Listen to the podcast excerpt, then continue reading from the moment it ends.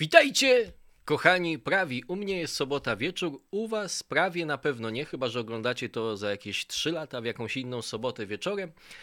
Ech, mam swojego metroseksualnego papieroska, mam swój słoik z herbatą i zaczynamy. To jest długi telegram.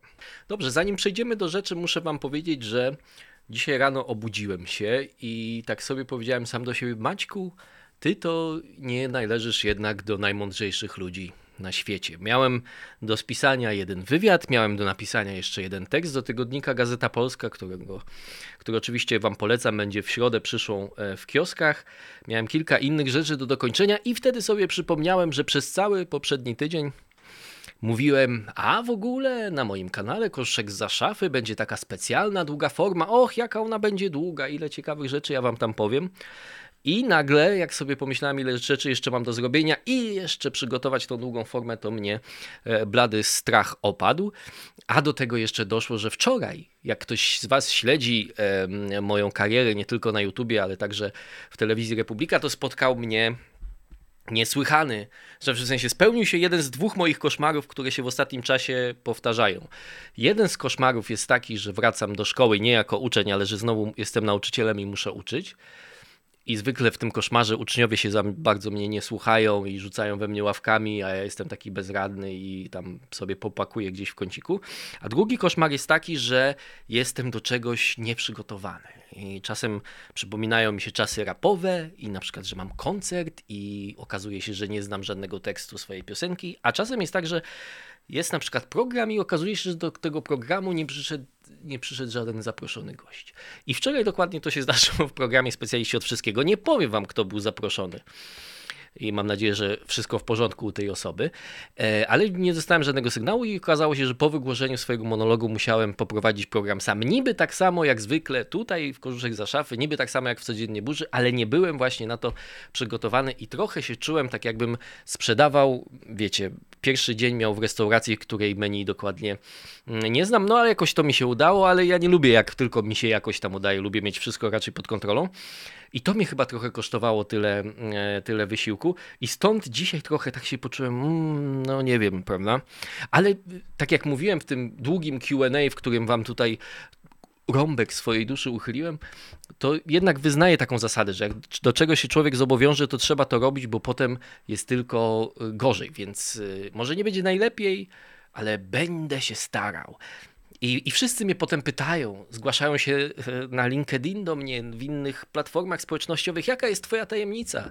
Jak Ty zachęcasz tych swoich widzów do tego, żeby oglądali Twoje treści? No właśnie tak, mówię, że nie będzie najlepiej, ale będę się starał. Dobrze, słuchajcie, e, dzisiaj będę generalnie mówił o tym wszystkim, co jest związane z procesem Dereka Chauvena, ale w szerszym trochę kontekście, w kontekście społecznym, w kontekście wszystkiego, co jest związane, związane z problematyką taką kulturowo-socjologiczną w Stanach Zjednoczonych, bo to jest problematyka bardzo szeroka. Z jednej strony można mieć takie wrażenie, że z polskiego punktu widzenia to jest trochę takie kuriozum, tak jak kiedyś obserwowaliśmy, przynajmniej niektórzy z nas albo po latach poznajemy na podstawie seriali, dokumentów na ten temat proces O.J. Simpsona i sobie myśleliśmy, czy on to zrobił, czy nie. Zawsze w ogóle, prawda, o amerykańskim systemie sprawiedliwości pewnie wielu Polaków wie więcej właśnie z seriali i innych e, dokumentów, e, prawda, popularnych teraz też na Netflixie, e, niż o polskim systemie sprawiedliwości Sprawiedliwości, podejrzewam. To też swoją drogą jest e, bardzo ciekawe. Natomiast e, wydaje mi się, że to jest jeszcze szerszy problem, który gdzieś tam ma też przełożenie na, e, na polską rzeczywistość, albo w ogóle rzeczywistość polityczną w demokracji, bo on dotyczy, idealnie oddaje ten problem, te, to pojęcie law and order, prawda?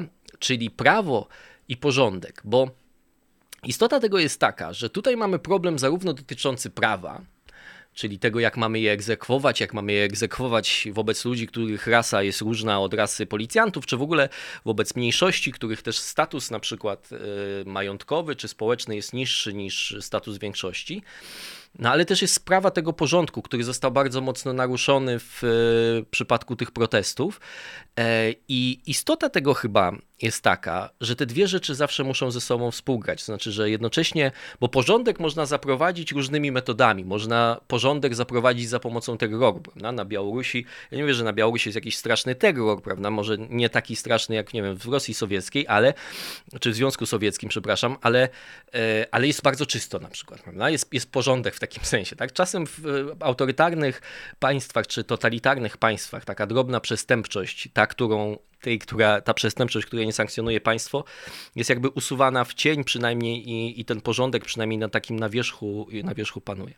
Często oczywiście w, w, potem w stadium rozkładowym to się odwraca i, i tej przestępczości jest coraz więcej. Tak to obserwowaliśmy także w dobie transformacji w Polsce. Ale to uderzam trochę w niepotrzebną tutaj e, meandrę. W każdym razie wydaje mi się, że to, co robi dzisiaj lewica, to, co robią demokraci, podpinając się w pewnym sensie pod ten ruch lewicowy, a to zaczęło się już w czasach Obamy, o tym może też trochę powiem dzisiaj, to, to jest zakwestionowanie jakby kluczowych podstaw cywilizacyjnych. Tak? To znaczy, bo z jednej strony cywilizacja amerykańska, znaczy dla mnie system amerykański polityczny jest najbardziej wyraźnym przykładem i najwyższym osiągnięciem w sensie systemu politycznego cywilizacji zachodniej.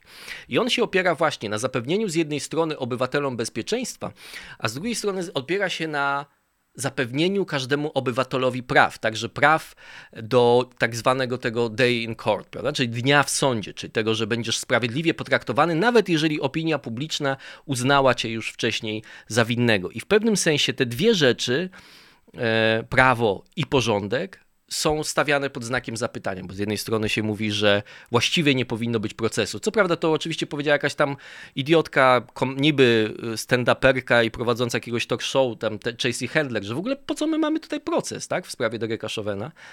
Ale jakby ona wyraziła moim zdaniem pewne emocje, które były obecne także na ulicy. A z drugiej strony się mówi, że no musimy zaakceptować pewien rodzaj zamieszek, prawda? Bo ludzie są źli, bo ludzie już mają dość, nie wiadomo czego, ale mają dość i czasem muszą trochę się wyżyć. A w ogóle to też nie powinniśmy ludzi e, za takie drobne przestępstwa łapać, prawda? Że jak ktoś przekroczył prędkość, to po co go zatrzymywać, bo jeszcze go policjant zastrzeli, prawda? Albo po co zatrzymywać ludzi, którzy przyjeżdżają na czerwonym świetle. To jest tylko tak naprawdę rasistowskie próby e, prześladowania jakiejś mniejszości.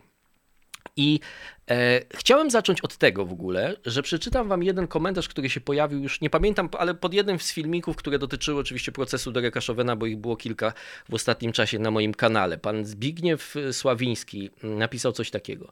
Dziękuję za komentarz. Nie przekonał mnie pan. Proces był ustawiony pod określoną tezę. Tak się stało.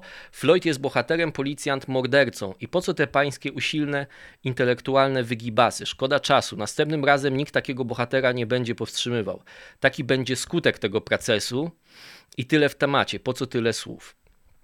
Przede wszystkim chcę odpowiedzieć na to właśnie, że ja, ja, się trochę nie zgadzam z panem Zbigniewem, chociaż oczywiście rozumiem z jakiego miejsca on, on y, mówi do mnie. To znaczy, że rzeczywiście jest tak, że ta ta wiel, ten wielki cyrk, który zorganizowano wokół tego procesu, był tak wyraźny i tak potężny. I tak jak mówiłem, że politycy właściwie robili wszystko, żeby zamiast pokazać, że to sąd jest najważniejszy, że to decyzja przysięgłych jest najważniejsza, to politycy robili wszystko, żeby pokazać, że to oni są najważniejsi, że oni znają ten wyrok i oby ci przysięgli zrozumieli, w jakim momencie dziejowym się znajdują, jak ważne jest to, żeby, e, żeby tego Dereka Chauvena e, skazano. Ale jednocześnie nie zgadzam się z tym powiedzeniem, że te słowa są niepotrzebne, że rozważanie tego, tych, tych e, jakby wartości, czy samych treści tej sprawy, tego, co było na sali sądowej, że to jest nieważne, dlatego że uważam, że cywilizacja nasza też się na tym opiera, że to, co jest wspaniałe w amerykańskiej cywilizacji i w pewnym sensie do pewnego momentu w cywilizacji w dużej mierze tworzonej tworzonej no może nie cywilizacji, źle powiedziałem, w systemie politycznym w dużej mierze tworzonej przez prawników, to właśnie to, że te procedury zawsze powinny być przestrzegane, że każdy zasługuje na to, co gwarantuje mu amerykańska konstytucja, czyli ten due process.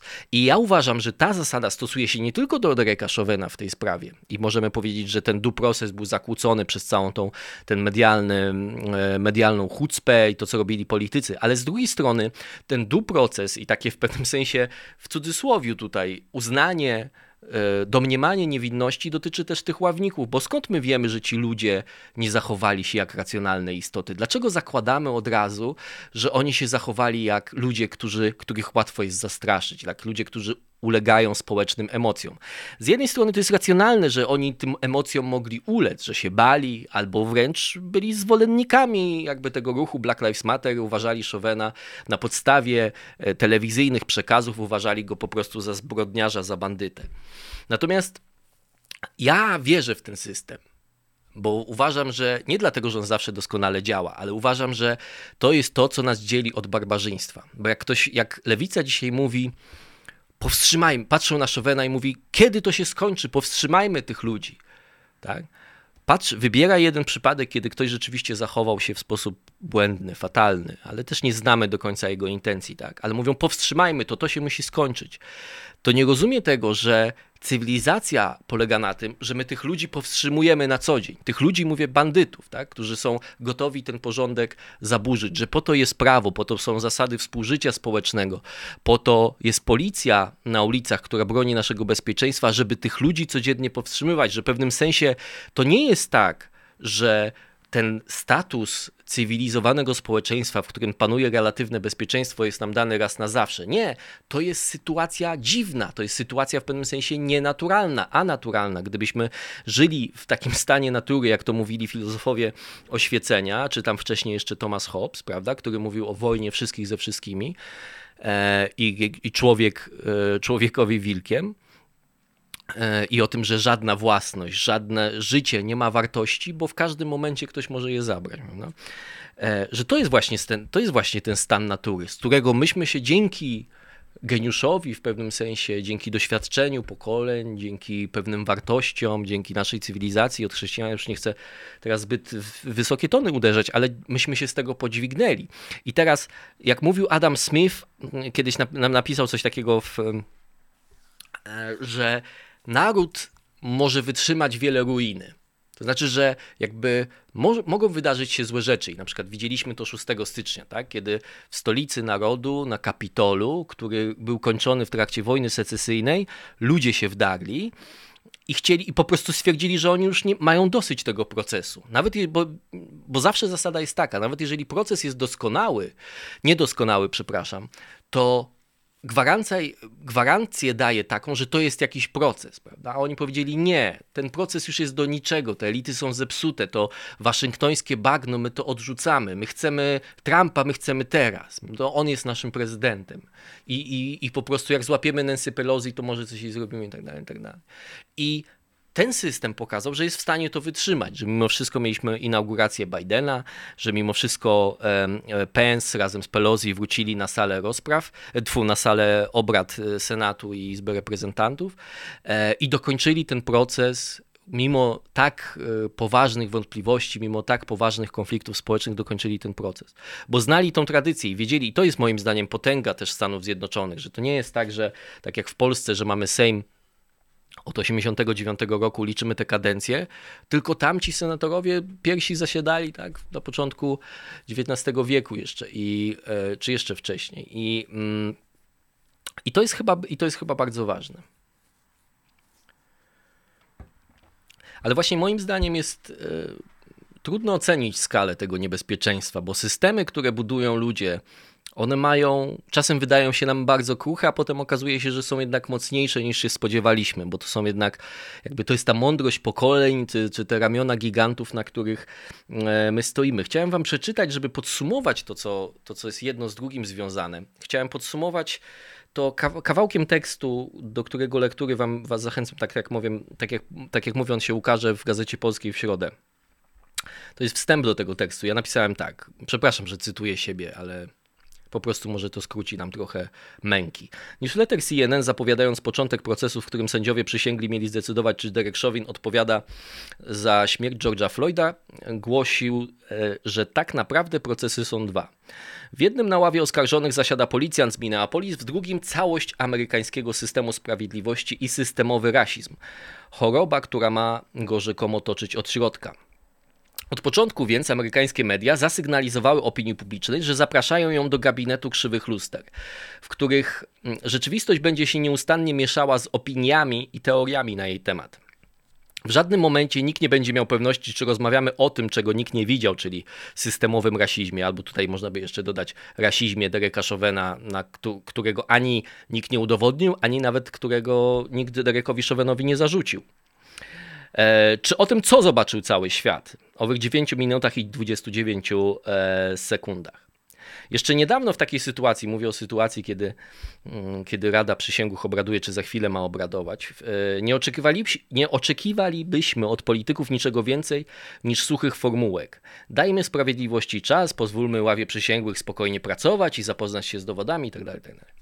Teraz jednak było zupełnie odwrotnie. Od kongresmen Maxine Waters po prezydenta Bidena politycy Partii Demokratycznej robili wszystko, by pokazać, że sprawiedliwy wyrok to zdecydowanie za mało, że oni są kimś więcej niż tylko politykami. Są rewolucyjnymi prokuratorami, którzy oskarżają nie tylko Chauvena, ale i całe amerykańskie społeczeństwo i system polityczny. Nawet jeśli przysięgli wykonali swoją pracę sumiennie, a Derek Chauvin zasługiwał na uznanie go winnym, politycy i liberalne media zrobili wszystko, by sprawiedliwość utonęła w rewolucyjnym ferworze. I wydaje mi się, że to ostatnie zdanie jest najważniejsze i podsumowuje moje refleksje na ten temat. To znaczy, że ja uważam, że z jednej strony ten wyrok w jakimś sensie był sprawiedliwy, ale z drugiej strony stworzono środowisko, w którym nie wiadomo, co ta sprawiedliwość właściwie dzisiaj e, oznacza. I to jest niesamowite, bo od razu widzieliśmy tego efekty w sprawie tej Makai Brandt, tej, tej dziewczyny z, z Columbus w Ohio.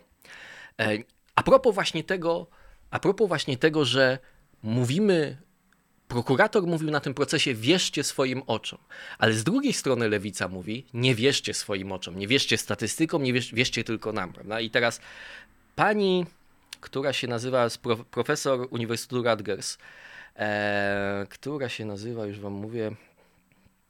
Mm, no nieważne, nieważne jak się nazywa, ale jest profesorem gender i Africana Studies, czyli no bardzo szanowanej dziedziny.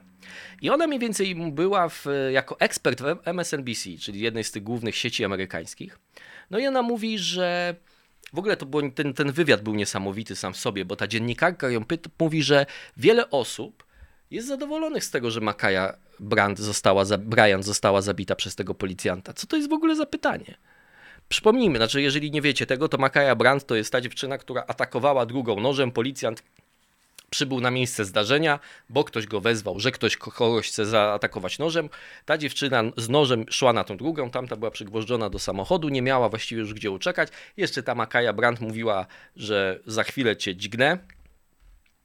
I ta pani mówi, że no przecież chodzi o to, że y, czarne osoby zasługują na sprawiedliwe traktowanie, nie muszą być idealne, tak jak George Floyd nie był idealny, tak? tylko że to jest trochę zupełnie inna sytuacja. Zacznijmy od tego, że tutaj kolejny raz mamy powiedzenie, że sam fakt, że tutaj mamy czarnego i tutaj mamy czarnego, policjant jest biały i ten napastnik jest biały, e, i, i ten policjant jest biały, to są takie same sytuacje, co jest idiotyczne, bo to jest patrzenie na bardzo skomplikowaną rzecz, jaką jest ludzkie życie i interakcje społeczne, tylko przez pryzmat jednego, jednej kategorii. Ale najważniejsze,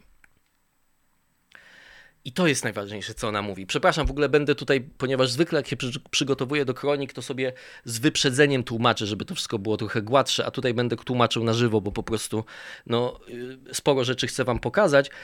W każdym razie, ona mówi mniej więcej coś takiego. Dlaczego nie traktujemy czarnych dziewczynek jak dziewczynek? Hmm.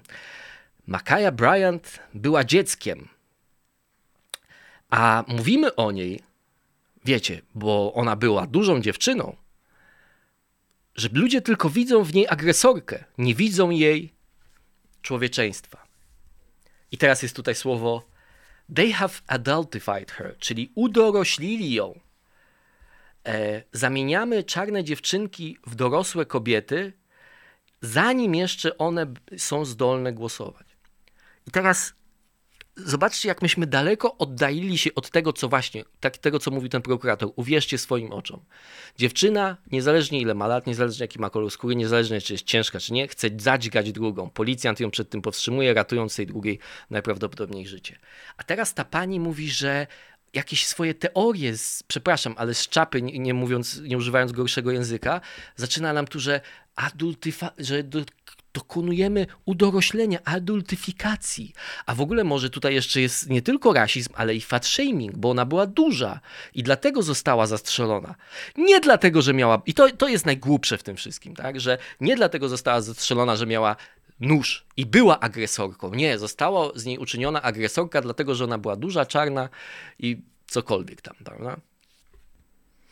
I w tym sensie jesteśmy bardzo w niebezpiecznym punkcie, bo te teorie krytyczne, critical race theory, krytyczna teoria rasowa, te postmarksistowskie wszystkie teorie postmodernistyczne, które opierały się na jakiejś takiej analizie kultury na podstawie właśnie stosunków władzy, stosunków siły, w których jakby pewna przemoc symboliczna zastępuje stosunki klasowe w tradycyjnej teorii marksistowskiej, one zawsze były obecne na uniwersytetach, studenci e, tworzyli jakieś akcje polityczne na podstawie przeświadczeń z tej ideologii, na podstawie także przeświadczeń, czym jest Ameryka, bo tutaj istotną częścią tej ideologii jest to, że kolonializm przerodził się, że Ameryka tak naprawdę jest kontynuatorką w pewnym sensie tradycji imperialnej, europejskiej tradycji kolonialnej. Stąd cały czas, gdy mówią o tym, że białość to jest kategoria nie tylko rasowa, ale też kulturowa, że ona oznacza chęć kulturowej do dominacji, chęć podboju, chęć podporządkowywania sobie ras ciemniejszych, innych, prawda, i tak dalej. E, to wszystkie te rzeczy były w pewnym sensie ograniczone do uniwersytetów. Ale teraz mamy sytuację, gdzie nie tylko administracja Bidena wykonuje takie ruchy, że właśnie critical race theory ma być nauczana, nauczana w szkołach, ale mamy jeszcze sytuację, w której ta narracja się przedostaje do polityków, tak? Znaczy politycy zaczynają jej używać, znaczy zaczynają uznawać fakty, które nie istnieją. To znaczy uznawać fakty, które nie miały miejsca. To znaczy, jeżeli Joe Biden mówi, że czarni żyją w jakimś strachu przed policją, to statystyki tego nie potwierdzają. Oczywiście trudno jest powiedzieć, jaki jest poziom strachu w całej grupie społecznej, która stanowi 13% amerykańskiej populacji, ale to jest ale to jest w ogóle niepotwierdzone żadnymi badaniami i na pewno nie jest potwierdzone zachowaniem policji. Ale rzeczywiście ktoś napisał, już nie pamiętam kto, ale czytałem ostatnio taki tekst, że jak zacząłem obserwować reakcje polityków i w ogóle ten ruch Black Lives Matter, który, który się tak uaktywnił od 2020 roku. Widzieliśmy te, e, to klękanie, te, te, te takie mm, rytualne niemalże procedury, że te ataki na restauracje dosyć trochę komicznie wyglądające, że jakiś tłum demonstrantów, ludzi w restauracji nagle napada i im każe na przykład wznosić pięści do góry i krzyczeć tam respekt, czy coś tam, że i tak dalej, że te, te takie inkantacje wspólne, to rzeczywiście zaczyna, ta, ta, ta osoba, o której, której nazwiska zapomniałem, napisała coś takiego, to był jakiś brytyjski publicysta, że teraz rozumiem, jak czuli się ludzie w średniowieczu, którzy widzieli te, te sekty, tych flagellantów, czy jakkolwiek oni się nazywali, tych, którzy chodzili od miasta do miasta i się biczowali, prawda, albo była taka sekta milenarystów, scenarystów też, która, której, znaczy w sensie to, to powtarzane jest we współczesności, ale oni, że jakby należy odrzucić wszystkie normy i ze sobą cały czas odbywali seks grupowy, po czym oczywiście wszyscy chyba tam się zabili. Szereg było tych sekt, ale zawsze one żyły jakąś wizją raju, prawda, który trzeba. I ta wizja antyrasizmu, którą na przykład e, prezentuje ten Imbram X. Candy, to jest wizja takiego raju, wizja społeczeństwa, które nie jest podzielone, wizja społeczeństwa, w którym już nie ma rasizmu, w którym wszystko jest sprawiedliwe i tak dalej, i tak dalej, ale jednocześnie to łączy ten ruch z ruchami takimi parareligijnymi czy sekciarskimi, że też jest bardzo istotna tutaj y, wizja grzechu pewnego pierworodnego. I właściwie wszystkie takie jakby totalne ideologie, do tych ideologii ja bym zaliczył na przykład marksizm, ale też na przykład libertarianizm w swojej skrajnej wersji. E, te, te totalne ideologie zawsze zawierają w sobie jakąś wizję grzechu pierworodnego. To znaczy, na przykład w przypadku marksizmu to oczywiście jest przekazanie środków produkcji w ręce kapitalistów i zabieranie wartości dodanej klasie robotniczej, wyzysk i oczywiście tym obietnicą raju jest, jest komunizm, w którym środki produkcji trafiają i zarazem owoce ich pracy trafiają z powrotem do klasy robotniczej. E, w przypadku oczywiście libertarianizmu to jest wizja interwencji państwa, które się w świat wolnej wymiany handlowej i wolności, pełni wolności, którą cieszyli się e, obywatele, wkrada się nagle państwo i zaczyna ich e, zniewalać. Oczywiście w krytycznej teorii rasowej tą, tym grzechem pierworodnym jest niewolnictwo, przynajmniej w tej bliskiej perspektywie czasowej, ale ona zawsze jest przedłużana prawda, do historii niewolnictwa do Arystotelesa, który mówił, że mm, niewolnik to ten, kto z rozumem ma tyle wspólnego, że go dostrzega u innych. Potem były średniowieczne teorie niewolnictwa, teorie, które były potrzebne Hiszpanom, na przykład kiedy kolonizowali Amerykę Południową. E, Sepulwedy i tak dalej. Zresztą, dobra, y, mm, za długo y, nie będę tego wykładał. W każdym razie w tej krótkiej, takiej relatywnie, te, to, to co jest w popkulturze także obecne, to tym grzechem jest niewolnictwo. I to też działa tak, jak w religii E, chrześcijańskiej były te, dowo- znaczy były, no, w sensie w średniowieczu tworzono oczywiście Tomasz Zakwinu, to mm, dowód na istnienie Boga poprzez poszukiwanie pierwszej przyczyny, prawda, że coś istnieje, bo ktoś to stworzył, ale tego kto, kogoś także ktoś stworzył, no i tak idziemy, aż dojdziemy do pierwszej przyczyny i podobny mechanizm funkcjonuje z tym grzechem pierworodnym, to znaczy, że jak dzisiaj ktoś powie, że przed prawica używa takiego e, argumentu, że no czarni, czarnych jest więcej w więzieniach, są zdecydowanie nadreprezentowani w więzieniach, mówi lewica, a prawica odpowiada, no tak, bo popełniają więcej przestępstw. Ale dlaczego popełniają więcej przestępstw, mówi lewica? Bo są czynniki społeczne, pod spodem, prawda? I prawica może nawet jak jest inteligentna, to powie, no tak, są czynniki społeczne, bo na przykład czarni bardzo rzadko jednym z najbardziej y, czynników tak socjologicznie, który przewiduje powodzenie dzieci, y, to czy będą popełniały przestępstwa, jakie będą ich osiągnięcia edukacyjne, jest to, czy rodzice, czy pochodzą z rozbitego domu, są wychowane przez samotnego rodzica, samotną matkę, samotnego ojca, czy są z pełnego małżeństwa, które ileś tam przetrwało, że wychowuje je matka i ojciec. Ale wtedy lewica mówi, no nie, ale to nie jest wina czarnych, bo to jest dziedzictwo niewolnictwa. Bo niewolnicy, rodziny były rozdzielane, czasem matka była sprzedawana na inną plantację, setki kilometrów gdzieś tam, a ojciec był sprzedawany jeszcze gdzie indziej. E, I, i tak dalej, i tak dalej, i tak dalej. I rzeczywiście to jest piękne, bo tego właściwie e, jednocześnie ta wizja obiecuje zmazanie tego grzechu pierworodnego, ale tak naprawdę nigdy nie można utracić z nim kontaktu. To znaczy, nawet, nawet oddalając się bardzo mocno tego. Ja pamiętam, byłem w Stanach Zjednoczonych. Byłem w Stanach Zjednoczonych. E, na takim stypendium z, Departamentu Stanu i tam mieliśmy duża część tego stypendium, ponieważ nie wiem, oni chcieli akurat tak, Departament Stanu taki, takie zrobił stypendium, że dużo tam było właśnie o tych kwestiach rasowych. Byliśmy w Alabamie, w Montgomery, tam gdzie jeździły te autobusy w epoce e, praw e, obywatelskich słynne. E, oczywiście w Alabamie też zaczynał swoją działalność Martin Luther King i tak dalej, tak dalej.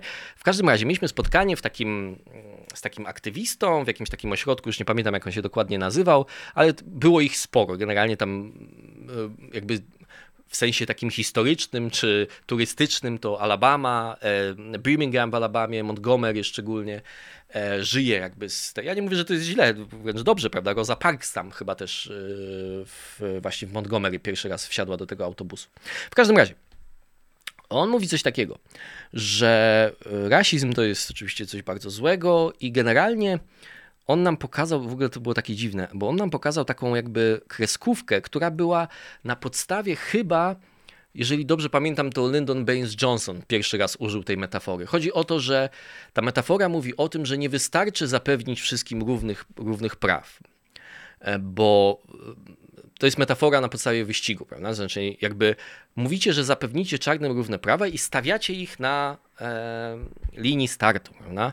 Ale oni przychodzą na tą linię startu w łańcuchach, to znaczy mają dziedzictwo niewolnictwa, dziedzictwo dyskryminacji, dziedzictwo gorszej edukacji itd., tak itd., tak więc tak naprawdę mówicie, że to są równe szanse, a te szanse nigdy nie są równe.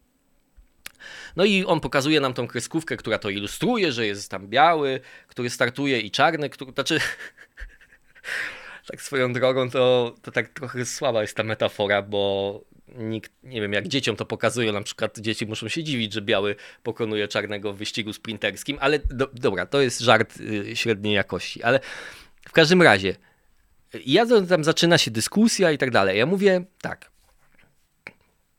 ja mówię, ja to rozumiem wszystko, znam historię i ona jest straszna i myśmy się też sporo, jakby ja tą historię znałem już wcześniej, no ale odwiedziłem te muzea, widziałem ten autobus gdzieś, czy tam rekonstrukcję tego autobusu, gdzie siedziała Rosa Parks i tak dalej, i tak dalej, i tak dalej.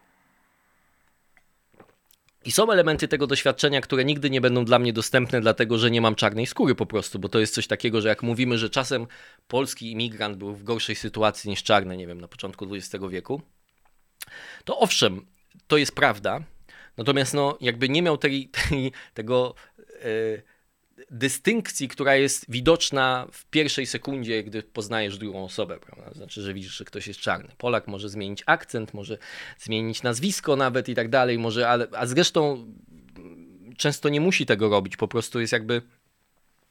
Dobra, ale to nieistotne. W każdym razie wracam do tej sytuacji. I wtedy ja mówię, że ja to wszystko rozumiem, tylko wydaje mi się, że zastanawia mnie to, jaką wartość ma dzisiaj, bo to był rok 2018 powiedzmy, pokazywanie tego czarnym, żeby oni zrozumieli, bo to jest taka zawsze, lewica mówi, czarni muszą zrozumieć swoją historię. I oczywiście ta historia to jest historia prześladowań, tak? Ja mówię, jaki sens, ja nie mówię, że nie mają znać swojej historii, ale jaki sens jest używanie tej metafory, że w momencie, gdy stajesz na starcie, e, to masz przerąbane, bo co on w ogóle ma biec gdziekolwiek? I on mówi, nie, to nie o to chodzi, że e, to nie o to chodzi. Chodzi o to tylko, żeby on miał świadomość, żeby biali i czarni mieli świadomość, że taka jest historia i że to jest punkt, z którego startujemy. No okej, okay, ja nawet jestem w stanie zaakceptować pewną logikę w tym, ale ja wtedy jeszcze jedną rzecz powiedziałem. A może lepiej byłoby poszerzyć tą bieżnię i pokazać, tak jak jest, wiecie, jak jest, y, startują na przykład na 400 metrów, tak, że każdy jest, biorą pod uwagę krzywiznę toru, każdy tam ileś, no ale no jeszcze więcej, prawda, że jest biały i on ma przewagę rzeczywiście, bo ma, nie wiem, bogatych rodziców, cośkolwiek, tak, nie każdy biały ma przewagę dzisiaj nad czarnym, na pewno jest wielu czarnych, którzy mają przewagę nad wieloma białymi, w każdym razie załóżmy, że czarny Amerykanie, biały Amerykanie jest tu, czarny jest trochę cofnięty, ale mówię, poszerzmy tą bieżnię i pokażmy tam, niech tam stanie na, y, na, na starcie nastolatek na przykład z Ukrainy, albo z Albanii, albo z Kazachstanu, tak? albo nawet z Chin, tak? z jakiejś tam interioru chińskiego. Tak? I teraz ten czarny powinien spojrzeć na to i powiedzieć, biały jest przede mną, może jakiś tam Azjata jest przede mną, ale za mną jest 70-80% ludzi na świecie. Znaczy mają gorsze szanse, tak? Tak naprawdę.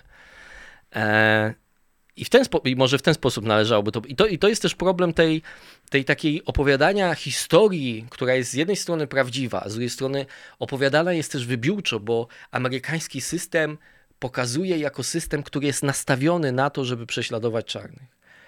I to, I to w ogóle się nie broni w takim sensie logiki historycznej.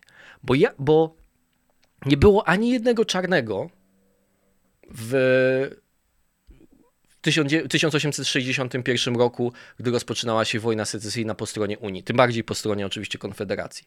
Nie było ani jednego, ani jednego czarnego generała, ani jednego czarnego e, kongresmena, ani jednego czarnego członka gabinetu Abrahama Lincolna, a mimo wszystko walczono o zniesienie niewolnictwa. Więc dlaczego ci biali, którzy mieli tylko za jedyny cel prześladowanie po wsze czasy czarnych i, i bogacenie się na ich ciężkiej pracy, dlaczego oni e, rozpoczęli tą wojnę? Dlaczego w ogóle trwał ten spór?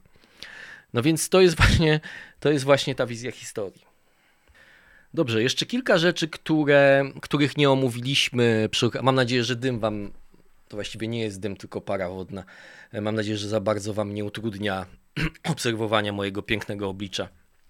Kilka rzeczy jeszcze dotyczących samego procesu. Na chwilę się odsuniemy od tych szerszych problemów i kilka rzeczy dotyczących samego procesu. Bardzo ciekawą dyskusję się wdałem dotyczącą, mm, ale może o tym za chwilę. W każdym razie chciałem Wam e, powiedzieć o innym stanowisku niż moim, człowieka, którego ja bardzo szanuję, z którego też e, jakby mm, opinii często korzystam, to jest Ben Shapiro, jeden z no, takich czołowych publicystów. W ogóle uważam, że robi jedną z najciekawszych rzeczy w mediach teraz ten ten konglomerat Daily Wire to jest bardzo ciekawe zjawisko i uważam, że wzór do naśladowania też dla mediów w Polsce, ewentualnie prawicowych, bo oni zaczęli od robienia po prostu podcastów, które stały się bardzo popularne i powoli bardzo nie mają żadnych mocarstwowych planów, chociaż te plany co, coraz bardziej wydają się mocarstwowe, ale od takich zwykłych show, że po prostu one man show Ben Shapiro ma, jest tam jeszcze trzech innych gości, którzy są może trochę mniej popularni, a też mają zawsze coś ciekawego do powiedzenia.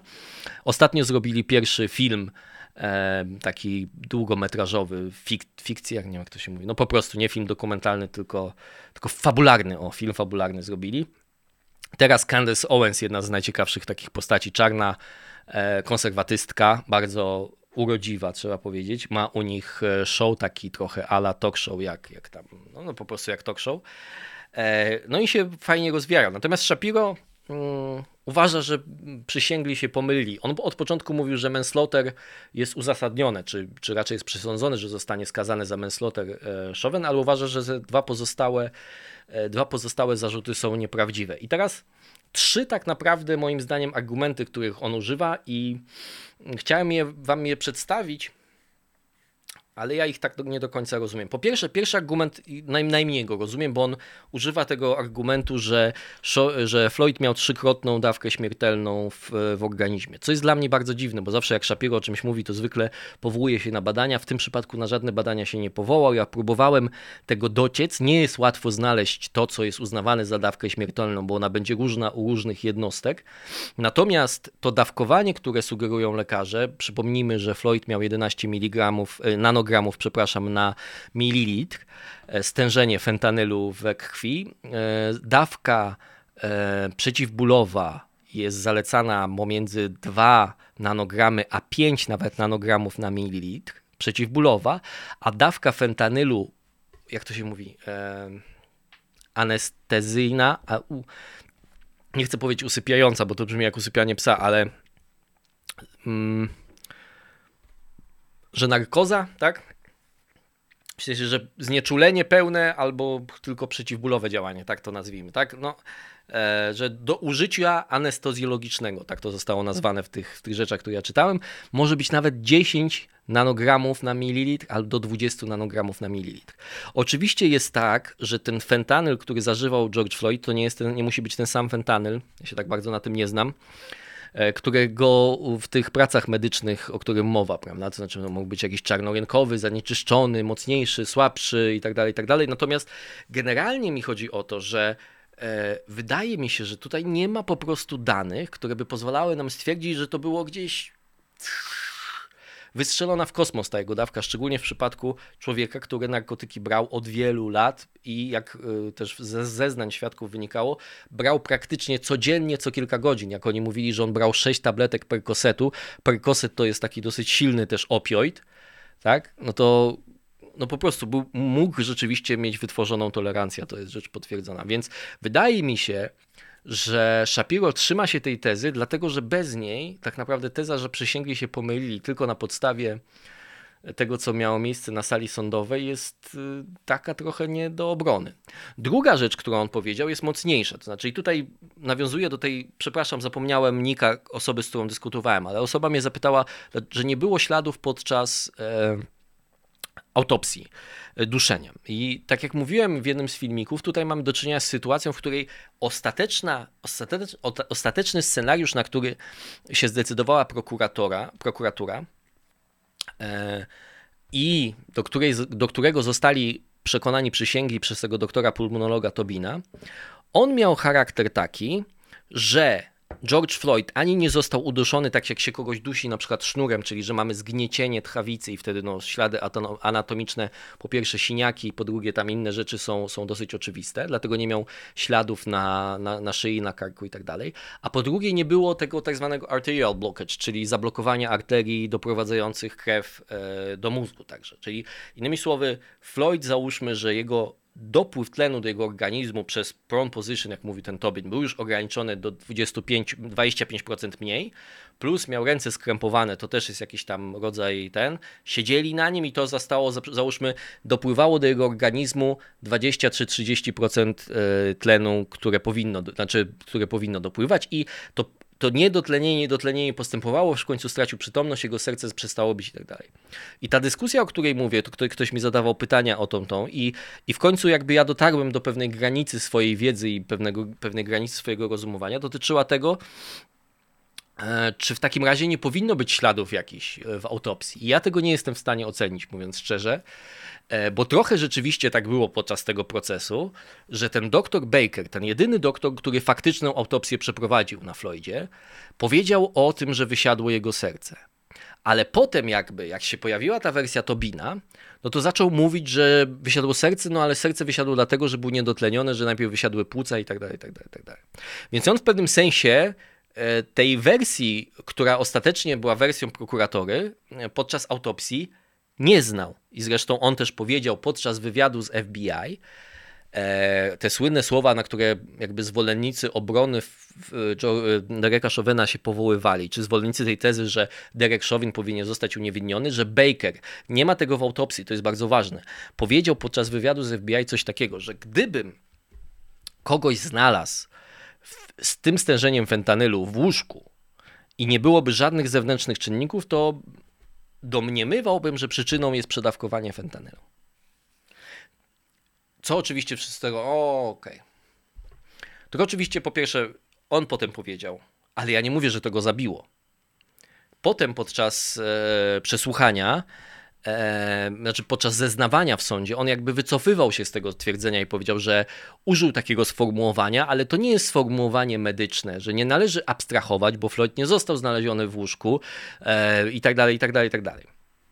W każdym razie to jest jedna rzecz, która dla mnie jest jakby ostatnim małym elementem tej układanki jakby dowodowej, e, która w jakiś sposób może budzić wątpliwości. E, I ostatni argument, którego użył Shapiro, moim zdaniem jest taki dziwny troszeczkę. To znaczy, on, to właściwie nie jest. Shapiro to jest tak, że on, on też jest z wykształcenia w ogóle prawnikiem, studiował na Harvardzie, był tam złotym dzieckiem Harvardu, które się jakby wykleły go te lewicowe elity, dlatego że się okazał być konserwatystą. Ale był, ale był bardzo dobrym studentem, no jest w ogóle generalnie takim złotym dzieckiem, tam on jest bardzo młody, chyba młodszy ode mnie nawet. E, I on używa takiego argumentu, że chodzi o to, że Derek Chauvin w istocie w tym procesie został skazany za zarzut, którego mu nigdy nie postawiono, czyli za, za to, że był rasistą. I dlatego został skazany za morderstwo drugiego stopnia. I to jest argument taki socjologiczny, tylko że on zakłada, i, to, i tu mnie dziwi ten argument, że on takiego argumentu używa, że musimy wiedzieć, co myśleli y, przysięgli, tak? jak mocno to na nich podziałało. Bo wiecie, to jest też tak, że nie żyjemy w idealnych laboratoryjnych warunkach i każdy proces jest mniej lub bardziej nagłośniony przez media i zawsze przysięgli mogą mieć swoje zdanie o jakiejś zbrodni, zanim w ogóle się dowiedzą o tym, że mają być przysięgłymi. Więc to nie jest tak, że brak totalnej izolacji warunków laboratoryjnych e, w ławie przysięgłych dyskwalifikuje, gdyby miał dyskwalifikować każdy proces, to by wszystki, żaden proces praktycznie się nie mógł odbyć. Tak. E jeszcze jedną rzecz, którą chcę poruszyć dotyczącą e, samego procesu Chauvena, to jest to, co może się wydarzyć w ewentualnej e, apelacji. Po pierwsze, ciekawa jest sprawa tych zarzutów, to znaczy ten najpoważniejszy zarzut, e, czyli morderstwo drugiego stopnia, felony Unintentional felony murder in second degree. Tak brzmi pełna nazwa tego e, zarzutu. Czyli nieintencjonalne morderstwo drugiego stopnia z popełnieniem innego przestępstwa. I teraz prawnicy, Alan Dershowitz na przykład sugeruje, że nie można, po pierwsze jest wątpliwość, o której już mówiłem, czyli czy można policjanta e, oskarżyć o napaść w takiej sytuacji. Znaczy, no, policjant ma prawo używać pewnej siły.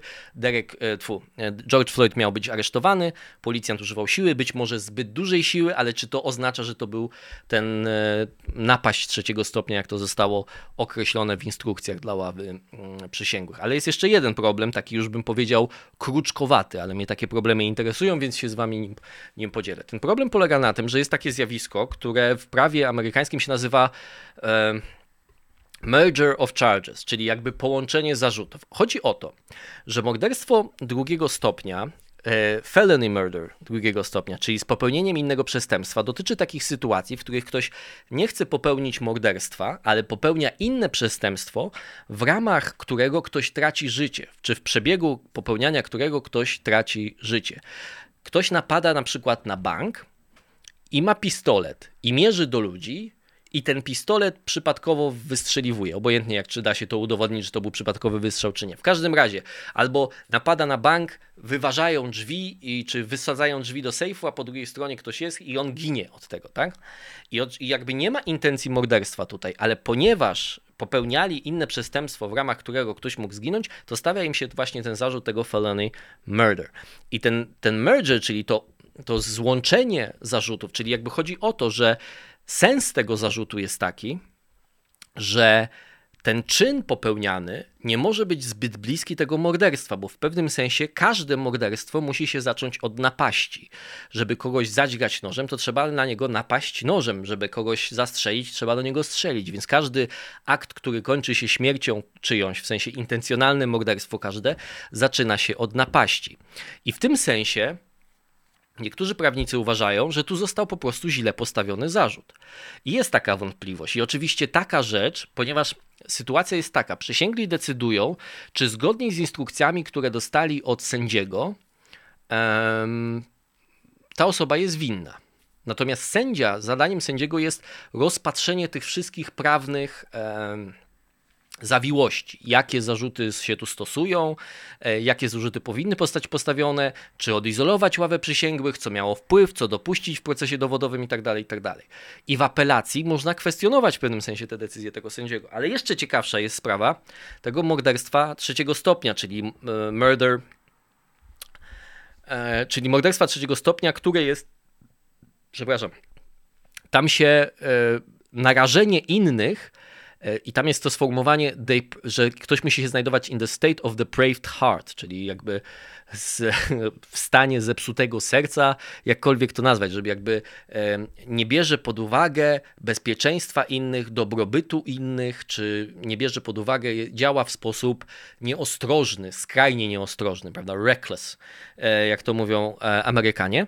I w tej sytuacji chodzi o to, na przykład, jak ktoś e, na przykład y, jak ja wyrzucę, idzie demonstracja pod moim budynkiem, prawda? A ja wyrzucę z dziesiątego piętra całą, e, świadomie nie mówię, że mi wypadnie z ręki czy coś, ale siedem doniczek na przykład, prawda? I chodzi o to, że w prawie w Minnesocie e, jest zapis, że endanger others w liczbie mnogiej, czyli że naraża na niebezpieczeństwo innych.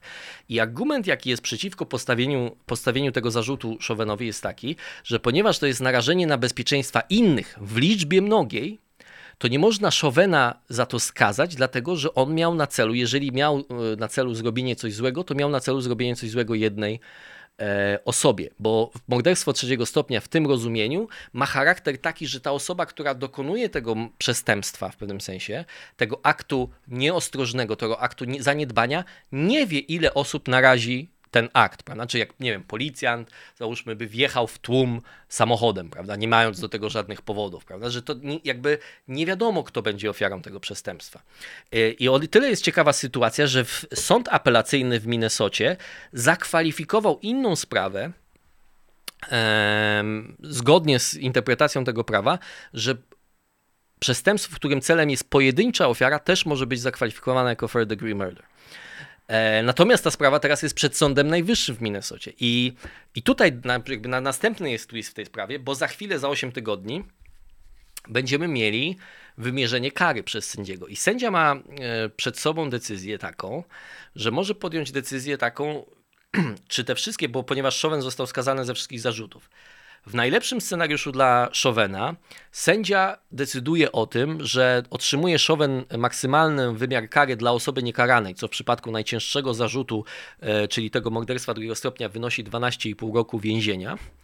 I że wszystkie wyroki z, z, tytułu tych wszystkich trzech paragrafów będzie mógł od, od odbywać jednocześnie, tak? Czyli innymi słowy, jakby jest albo wersja, że consecutive, czyli po kolei, że najpierw 12 lat za morderstwo drugiego stopnia, potem tam 10 lat za morderstwo trzeciego i potem jeszcze 10 lat tam załóżmy za manslaughter, czy tam 8 lat. Natomiast jeżeli ma odbywać jednocześnie, no to jednocześnie siedzi za trzy różne, właściwie to nie są trzy różne przestępstwa, to też jest pewien paradoks, ale chodzi o to, że jeżeli sędzia zadecyduje, że ma odbywać te kary jedna po drugiej, czyli że Chauvin zostanie skazany w sumie, nie wiem, na 40 lat załóżmy. No nie 40 to chyba nie wyjdzie z tego rachunku, ale załóżmy na 35. E, a jednocześnie okaże się, że Sąd Najwyższy w Minnesocie orzekł, że nie można stosować tego prawa wobec, to jest oczywiście scenariusz bardzo mało prawdopodobny, ale ciekawy, to będziemy mieli ciekawą sytuację i być może sytuację, w której albo trzeba będzie powtórzyć, y, może nie cały proces, ale wymierzanie wyroku Chauvinowi i to tutaj mogą się e, pojawić e, pytania. Kluczowa rzecz w tej apelacji to jest kwestia wpływu Oczywiście na przysięgłych. Warto sobie to, słuchajcie, powtórzyć, bo to jest, to jest rzeczywiście niesamowite, ile tych przypadków tutaj mieliśmy. W trakcie, gdy wybierana jest ława przysięgłych, miasto Minneapolis zawiera e, ugodę z rodziną George'a Floyda. Dwóch przysięgłych trzeba było zdyskwalifikować, dlatego że podczas e, kwestii, znaczy w kwestionariuszu czy podczas przepytywania powiedzieli, że tak, dla nich to jest sygnał, że, że Derek Chauvin jest winny, czyli że innymi słowy ich, e, ich ocena tej sytuacji została zaburzona przez tą decyzję miasta Minneapolis. Czyli to jest pierwsze, już podczas wybierania ławników mamy sytuację taką. Potem podczas procesu mamy sytuację ze śmiercią Donte Wrighta. E, ława przysięgłych na wniosek, yy, czy jest wniosek obrony, żeby ławę przysięgłych odizolować, ale ona ostatecznie sędzia mówi, że nie. Więc mamy zamieszki, przysięgli codziennie idą do sądu, mijają plac George'a Floyda, murale George'a Floyda. Jedna z przysięgłych mieszka w Brooklyn Center, tam gdzie odbywają się zamieszki, więc widzi, co by się stało. No i przed samym momentem, kiedy y, Rada Przysięgłych ma udać się, ma być odizolowana i udać się na obrady, E, przyletuje do e, Minneapolis Maxine Waters i mówi, że jak wyrok nie będzie guilty, że ma być winny morderstwa, to wtedy e, mają być protesty jeszcze bardziej aktywne i jeszcze bardziej ludzie mają przyjąć konfrontacyjne postawy na ulicy. A Joe Biden czeka, już Rada Przysięgłych jest oficjalnie odizolowana, ale dosłownie od dwóch godzin i Joe Biden wtedy wygłasza swoje to przemówienie, że mówi, że dowody są przytłaczające i on ma nadzieję, że wyrok będzie taki jak trzeba. E, przy przypadku Joe Bidena oczywiście można mówić, że jest mała szansa, że przysięgli do tego doszli. Natomiast też trzeba powiedzieć, że zachowanie Joe Bidena nie było takie do końca bezpieczne. Zresztą tak prawnicy mówili, bo to jest tak, że Rada Przysięgłych nie wiadomo było, ile będzie obradować. Ostatecznie obradowała chyba nawet niecałe 12 godzin. Bardzo krótko generalnie. Natomiast ona jest niby odizolowana, ale to był prezydent Stanów Zjednoczonych. Ci ludzie potem zostaliby odstawieni najprawdopodobniej do jakiegoś motelu albo hotelu.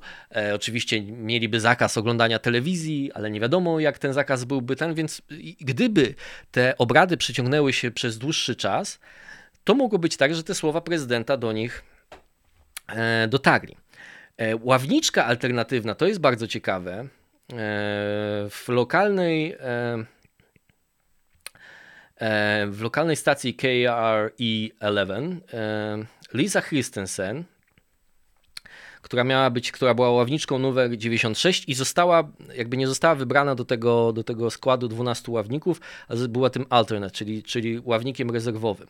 No i jej pytano, czy, czy chciałabyś e, być tym przysięgłym i ona powiedziała coś takiego, że w tym wywiadzie radiowym, że nie wiedziałam, jaki będzie wynik tego. E, I wiedziałam, że jakikolwiek będzie nasz wyrok, to za, za, zawiedziemy jedną albo drugą grupę ludzi. I to jest najważniejsze, co powiedziała. Nie chciałam e, jeszcze raz przechodzić przez te zamieszki, przez to całe zniszczenie. E, I byłam zaniepokojona tym, że ludzie mogliby przyjść do mojego domu, jeśli nie byliby zadowoleni z werdyktu. Potem powiedziała, zagłosowałabym, I would have voted guilty, zagłosowałabym za winą, że uważam, że Chauvin jest odpowiedzialny za śmierć George'a Floyda. Natomiast tutaj jest istotna kwestia. To mówi e, ławniczka, która może się wypowiedzieć. Ławnicy to jest skomplikowany problem prawny. Czy ławników można by było na przykład w procesie apelacyjnym wezwać e, jako świadków w jakiejś takiej sytuacji, oczywiście zapewnienia im także anonimowości, których ktoś mogliby powiedzieć. Generalnie sytuacja jest taka, żeby nie wystarczy fakt, że ktoś zatruł tą studnię. Znaczy, nie wystarczy fakt, że Maxine Waters to powiedziała. Trzeba by było udowodnić, że do ławników te słowa jej doszły, że trudno powiedzieć, jak, nie wiem jak w jaki sposób ludzie, którzy wracali codziennie do domu, nie mieli wiedzieć o śmierci Dante Wrighta i zamieszkach w Minneapolis i Brooklyn Center. Natomiast jakby oni by musieli zeznać, że ich motywacją w podejmowaniu decyzji było którekolwiek, czyli wszystkie te wydarzenia i tak dalej, i tak dalej, że podejmowali tę decyzję nie na podstawie tego, co się wydarzyło na sali sądowej, ale na podstawie strachu, na podstawie presji, na podstawie tych wszystkich innych rzeczy. Więc e, czy to się wydarzy? Mówiąc szczerze, wątpię. Natomiast e, wydaje mi się, że myślę, że ten sentencing, czyli wyznaczenie wymiaru kary przez sędziego też będzie. E, bardzo ciekawym momentem, bo nie wydaje mi się, żeby ten cały ruch Black Lives Matter i ci wszyscy, którzy jakby mobilizują te emocje społeczne wokół tego, zadowolili się tym, że jak się okaże, że Chauvin ma iść do więzienia na 12,5 lat według sędziego. Dobrze, a teraz trochę o tym, jakie są tego wszystkiego konsekwencje. Konsekwencją jedną z podstawowych jest to, może zacznijmy, może nie, może zacznijmy od tego, jak wyglądają tak naprawdę statystyki. W takim kontekście, czy policja w Stanach Zjednoczonych jest rasistowska. To są statystyki z artykułu dla Wall Street Journal Heather McDonald z zeszłego roku, zaraz po zabójstwie mm, George'a Floyda i statystyki ostatnie pełne, czyli z 2019 roku. W 2019 roku policja mm, śmiertelnie postrzeliła 1004 osoby. 1004 osoby. E, jedna czwarta z tych e, osób to byli e, czarni, czyli 235. I ten współczynnik, czyli że jedna czwarta mniej więcej to są czarni, pozostał stabilny od 2015 roku. I to oczywiście jest moment, w którym kończy się narracja lewicy. Czarni są jedną czwartą zastrzelonych przez policję, a stanowią tylko 13% populacji, więc dwa razy częściej są zabijani niż to sugerowałaby niż to powinny sugerować statystyki. E, natomiast jak sobie przyjrzymy, e, to są dane akurat z 2018 roku, bo w momencie jak ona pisała ten artykuł nie było obecne.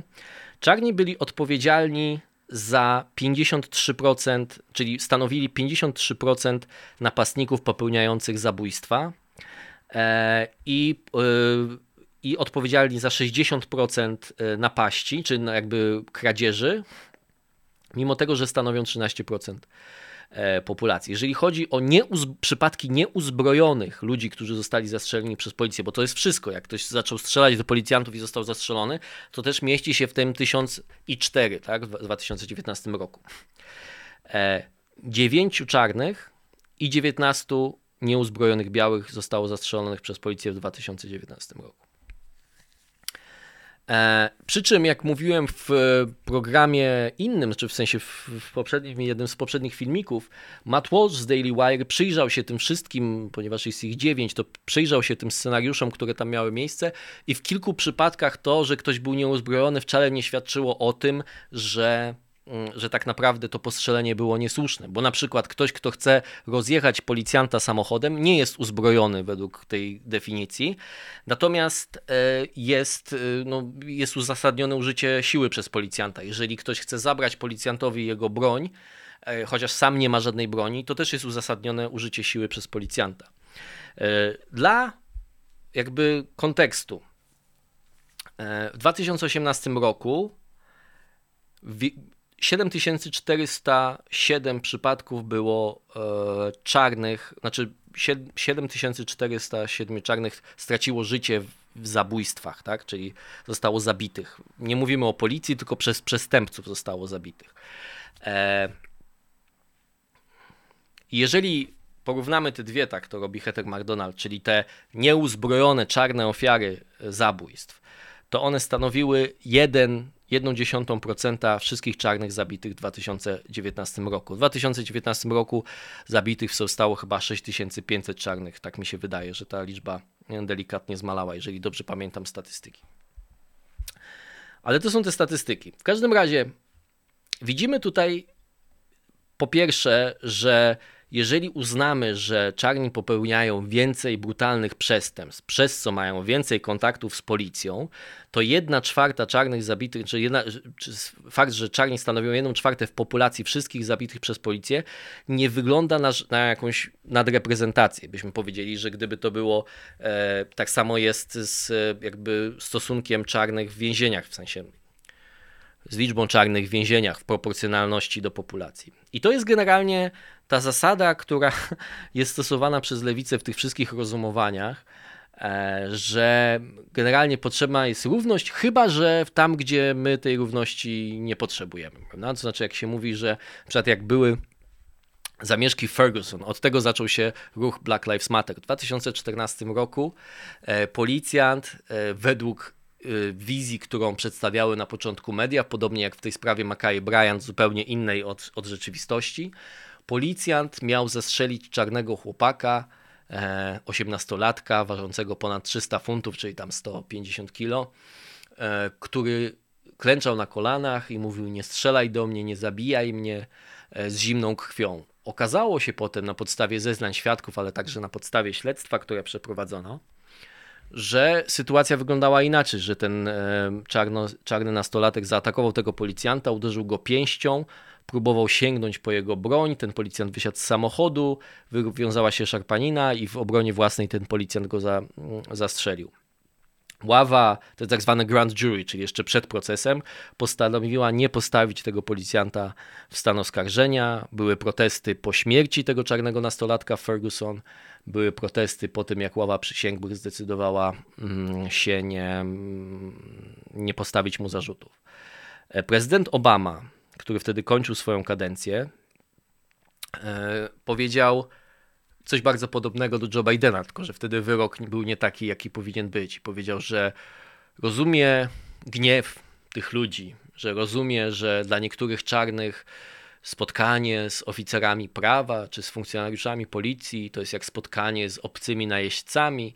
Używał jakichś takich dziwnych słów. Nie jestem w stanie ich teraz przytoczyć, ale mniej więcej o to chodziło. Czyli z jednej strony uzasadniał sens tych protestów i mówił używał rzeczywiście Obama, bo w wielu aspektach, jak się przypomni, co robił Obama jeszcze 6 lat temu, to, to Obama był nawet lepszy niż Biden w tym w sensie takim. Używał takich formułek, że oczywiście w Stanach Zjednoczonych decyduje to grand jury właśnie.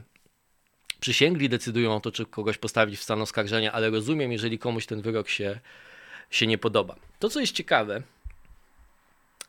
e, to że po tym 2000 mm, 2014 roku i w 2015 roku, ostatnim roku rządów Obamy, mieliśmy coś, co sama Heather McDonald, o której mówiłem, nazwała Ferguson Effect, ale istnienie tego Ferguson Effect przyznał też, e, że, że coś takiego istnieje, przyznał też e, szef e, FBI za Obamę, czyli pan Comey. A ten Ferguson efekt miał polegać na tym, że policjanci w obawie, że jakakolwiek interwencja w czarnych społecznościach skończy się tym, że zostaną oskarżeni o jakiś skrajny rasizm, po prostu nie podejmowali tych interwencji. Bo teraz często działalność policjantów, i to McDonald w swoich książkach bardzo fajnie opisuje, polega na przykład na tym, że oni zatrzymują podejrzane osoby. No ale nie każdy podejrzany jest tak naprawdę, zasługuje na to, żeby być podejrzany. Nie każdy, który być może ma broń, w rzeczywistości ma broni, nim każdy ma złe zamiary. Więc czasem z tego wychodzi coś, co można nazwać jakimś prześladowaniem. Znaczy to nie jest prześladowanie, po prostu policjanci są czujni. A Ferguson efekt zadziałał tak, że ponieważ też w efekcie czarni stali, czy, czy jakby mieszkańcy tych, tych miejsc, gdzie jest wyższy poziom przestępczości, stali się bardziej konfrontacyjni.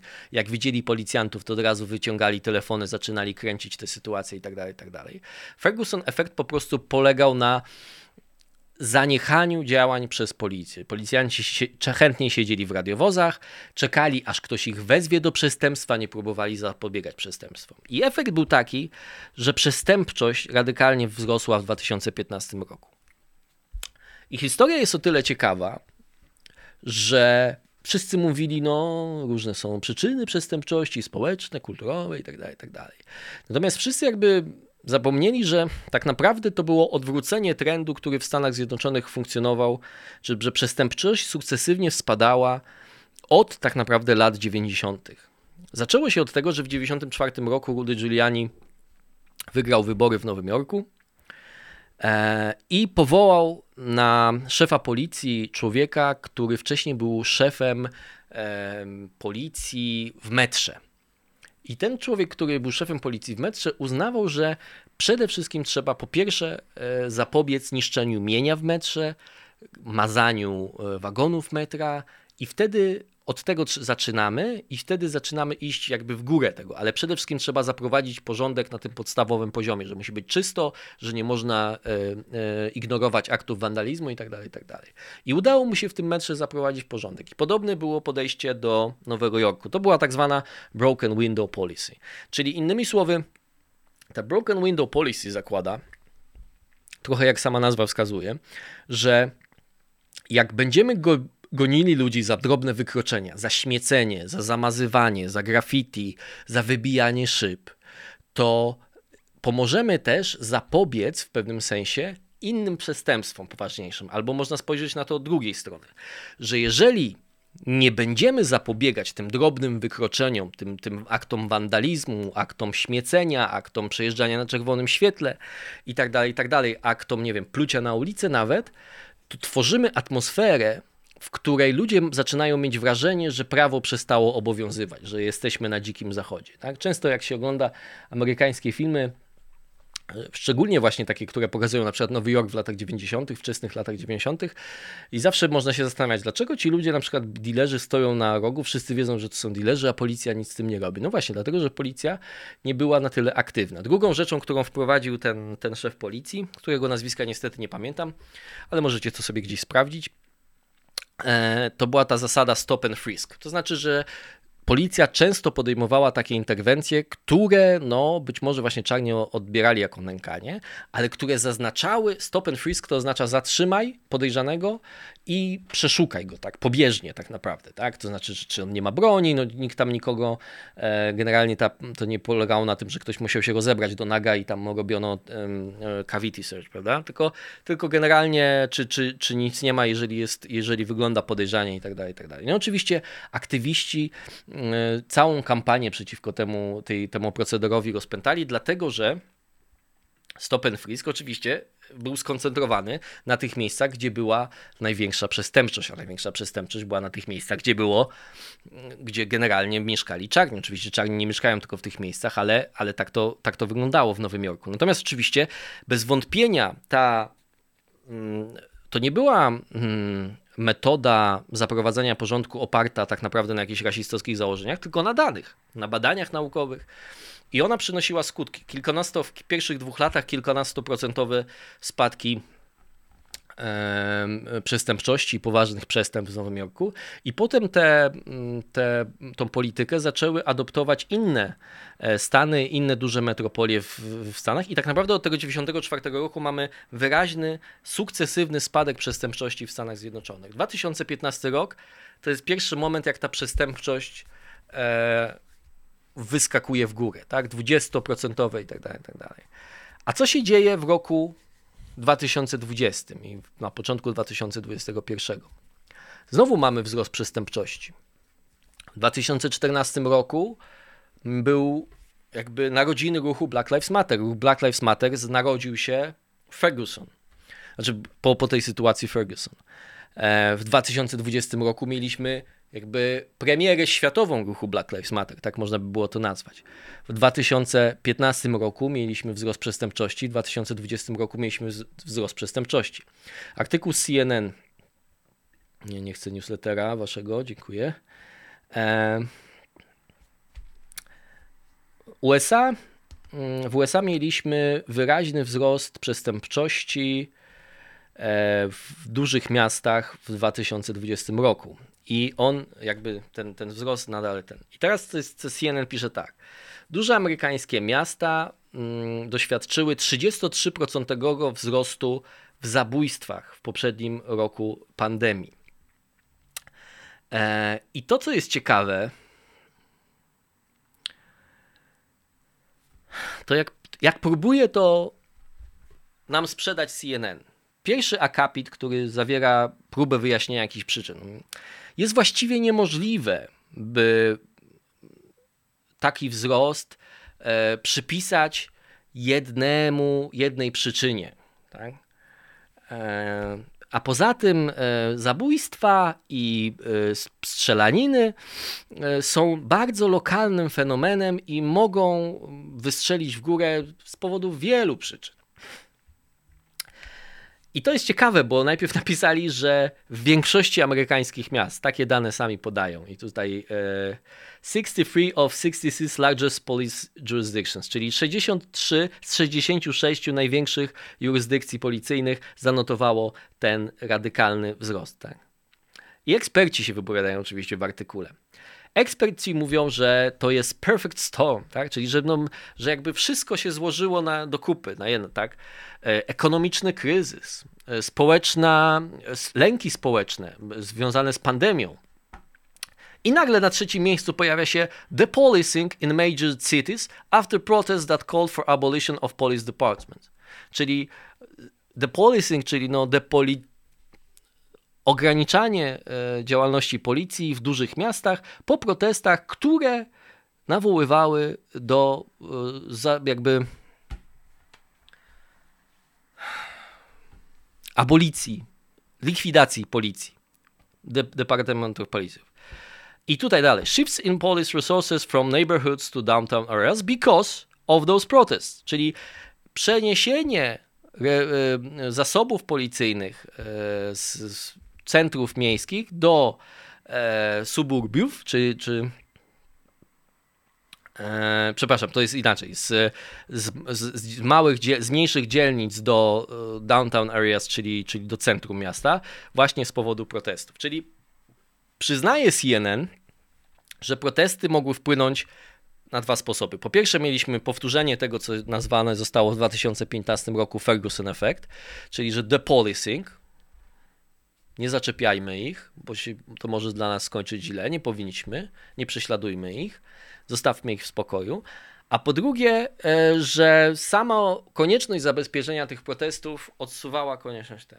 To, czego moim zdaniem tutaj brakuje w tej analizie, to po pierwsze ewidentnego powiązania jednego z drugim. Skoro ten sam mechanizm po, po, pojawia się, mamy protesty, mamy atak medialny na policję i mamy powiedzenie, że mamy pandemię, mamy nie tylko pandemię COVID-19, ale mamy pandemię policyjnych zabójstw. To jeszcze, to jeszcze jedno jest moim zdaniem fałszerstwo tutaj. Dlaczego zakłada się, że, bo on ich napisał social anxiety because of a pandemic, czyli społeczne lęki związane z pandemią, czyli że ludzie tak bali się zarazić, że wychodzili na ulicę i zaczynali do siebie strzelać. No. Ja chwilę... No.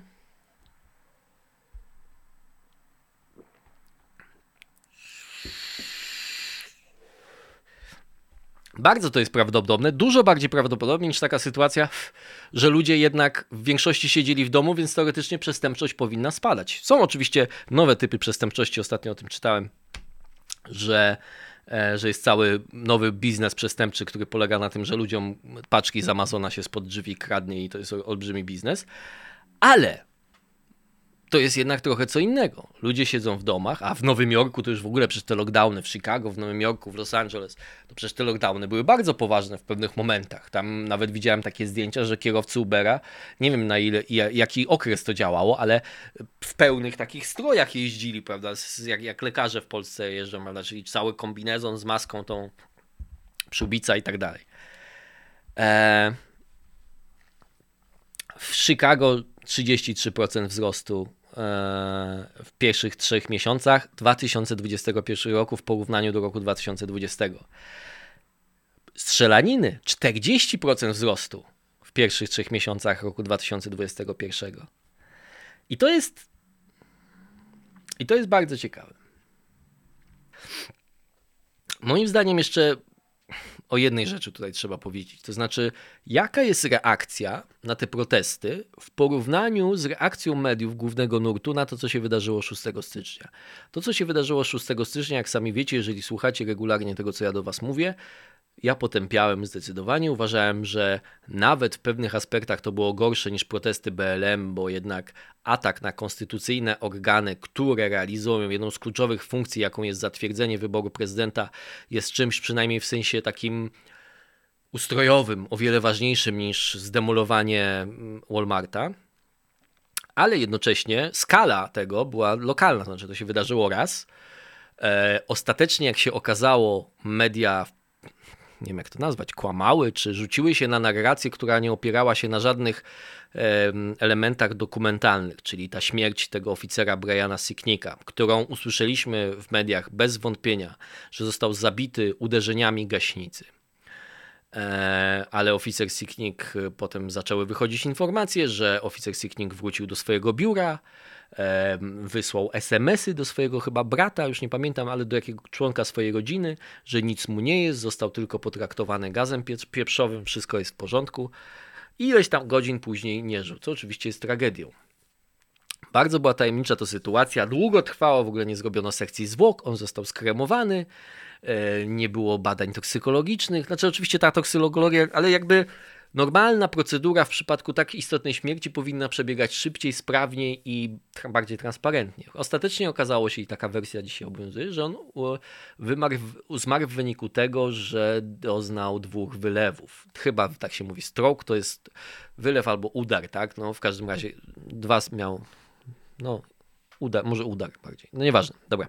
W każdym razie, czyli mogło spowodować napięcie nerwowe, nie wiem, jakiś wstrząs, cokolwiek, jakieś tam przyczyny medyczne mogą być związane z tym atakiem na Kapitol, ale ostatecznie wersja nie jest taka, jaką podawały media, czego za bardzo nikt nie chce dzisiaj e, szczerze przyznać, bo potrzebowały media lewicowe tej wisienki na torcie. To nie było tylko uderzenie w system konstytucyjny Stanów Zjednoczonych, ale to było czy jakaś próba nieudana, śmieszna, z rogami na głowie i, i malunkami i tak dalej, e, takiej insurekcji rzeczywiście przepraszam, ale jednocześnie ci ludzie mieli mordercze intencje. Ostatecznie, e, ostatecznie okazało się, że, e, że no tak naprawdę nikogo nie zabili. Jedyną ofiarą śmiertelną, znaczy no Siknik też jest ofiarą śmiertelną, ale ofiarą śmiertelną, która z, jakby zginęła w wyniku jakiegoś starcia związanego z przemocą, bo tam jeszcze kilka, kilku demonstrantów też umarło chyba tam na serce i inne. Ten, ten.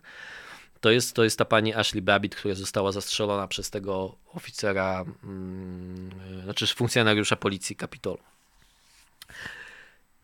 W każdym razie, dlaczego ja o tym mówię, teraz zapomniałem. Ha, jaka, jak, jak, jak różni się reakcja e, mediów?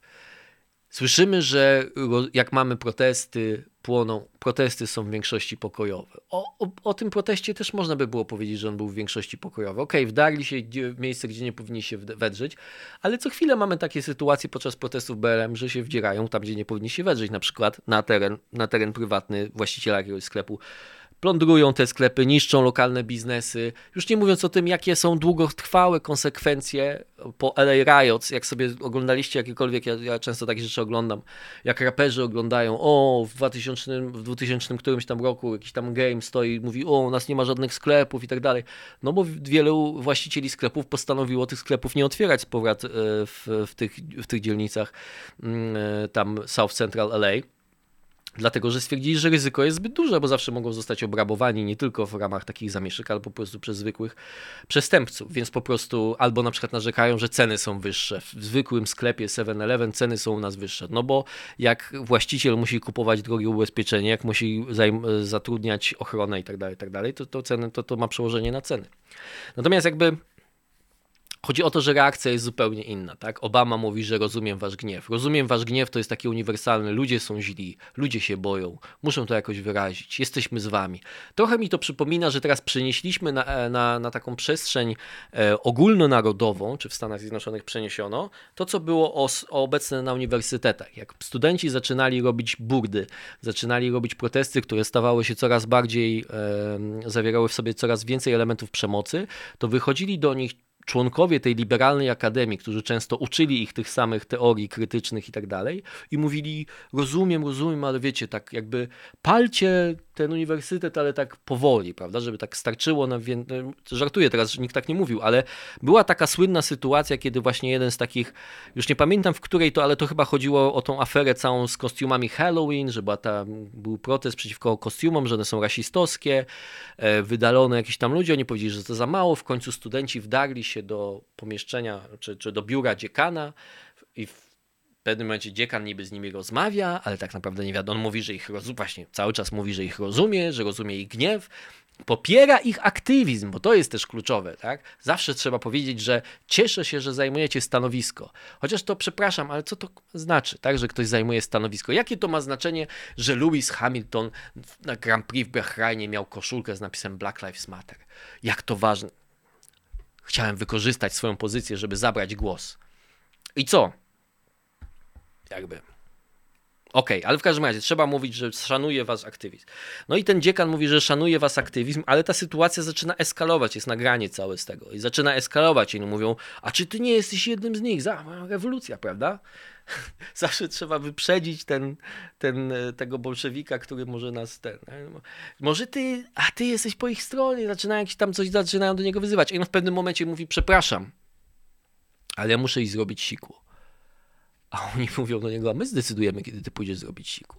I jak patrzę na Joe Bidena, to przypominam sobie tego dziekana właśnie, który chciał być takim przyjacielem młodych rewolucjonistów i tak skończył. I ale oni to wszyscy mówią. Ostatnio mm, taką w prawicowych mediach amerykańskich zrobiło karierę taki urywek e, z CNN, jak właśnie z Minneapolis, jak były te zamieszki w Brooklyn Center. To chyba, nie wiem, czy to jest administracyjnie część Minneapolis jeszcze, ale w każdym razie przedmieścia Minneapolis. I, i ten, i, i taki reporter, który tam zdaje do CNN i mówi, że no, ludzie są nawet trochę źli na media, nawet nas e, za, zaczęli atakować. Że jak szliśmy do samochodu, to rzucali w nas butelkami, kamieniami, ale wiesz co, tam już nie pamiętam jak się nazywała ta dziennikarka, ale oni zawsze tak mówią. Wiesz co, Sara, powiem ci, że im się nie dziwię. Rozumiem, że byli wściekli, my po prostu znaleźliśmy się w złym miejscu, w złym czasie. No. Okej, okay, no kamieniami, może, może ktoś zginie, ale po prostu no, czasem tak jest, że, że epoka wymaga pewnych ofiar, prawda, może ktoś inny by został na przykład. W każdym razie, i pamiętam jak byłem sam w Waszyngtonie podczas tych protestów BLM i e, pod Białym Domem i tam coś musiałem nagrywać, bo wtedy udawałem, że jestem korespondentem, znaczy udawałem, no formalnie byłem jakiś tam, dobra, nagrywałem telefonem, tym samym, którym nagrywam teraz, do was korespondencję dla Republiki, więc musiałem sobie rozstawić sam taki tam statywik i, i stałem i ten. No i tam chodzili ci protestujący, niektórzy tam trochę widać, że nie wiadomo czym pani, coś tam mnie zaczepiali, ja im oczywiście mówiłem, że popieram, oni mówili, się cieszyli, że Polska jest z nimi. Była taka śmieszna sytuacja, że jakiś taki czarny podchodzi do mnie bez butów, spodniach, bez koszulki, i się pyta skąd ja jestem. Ja mówię, że jestem z Polski i że on, czy ja przyjechałem e, tutaj opowiadać o ich proteście. Ja mówię, że nie, że, że przyjechałem, bo polski prezydent jest e, tutaj, przyjechał, nie?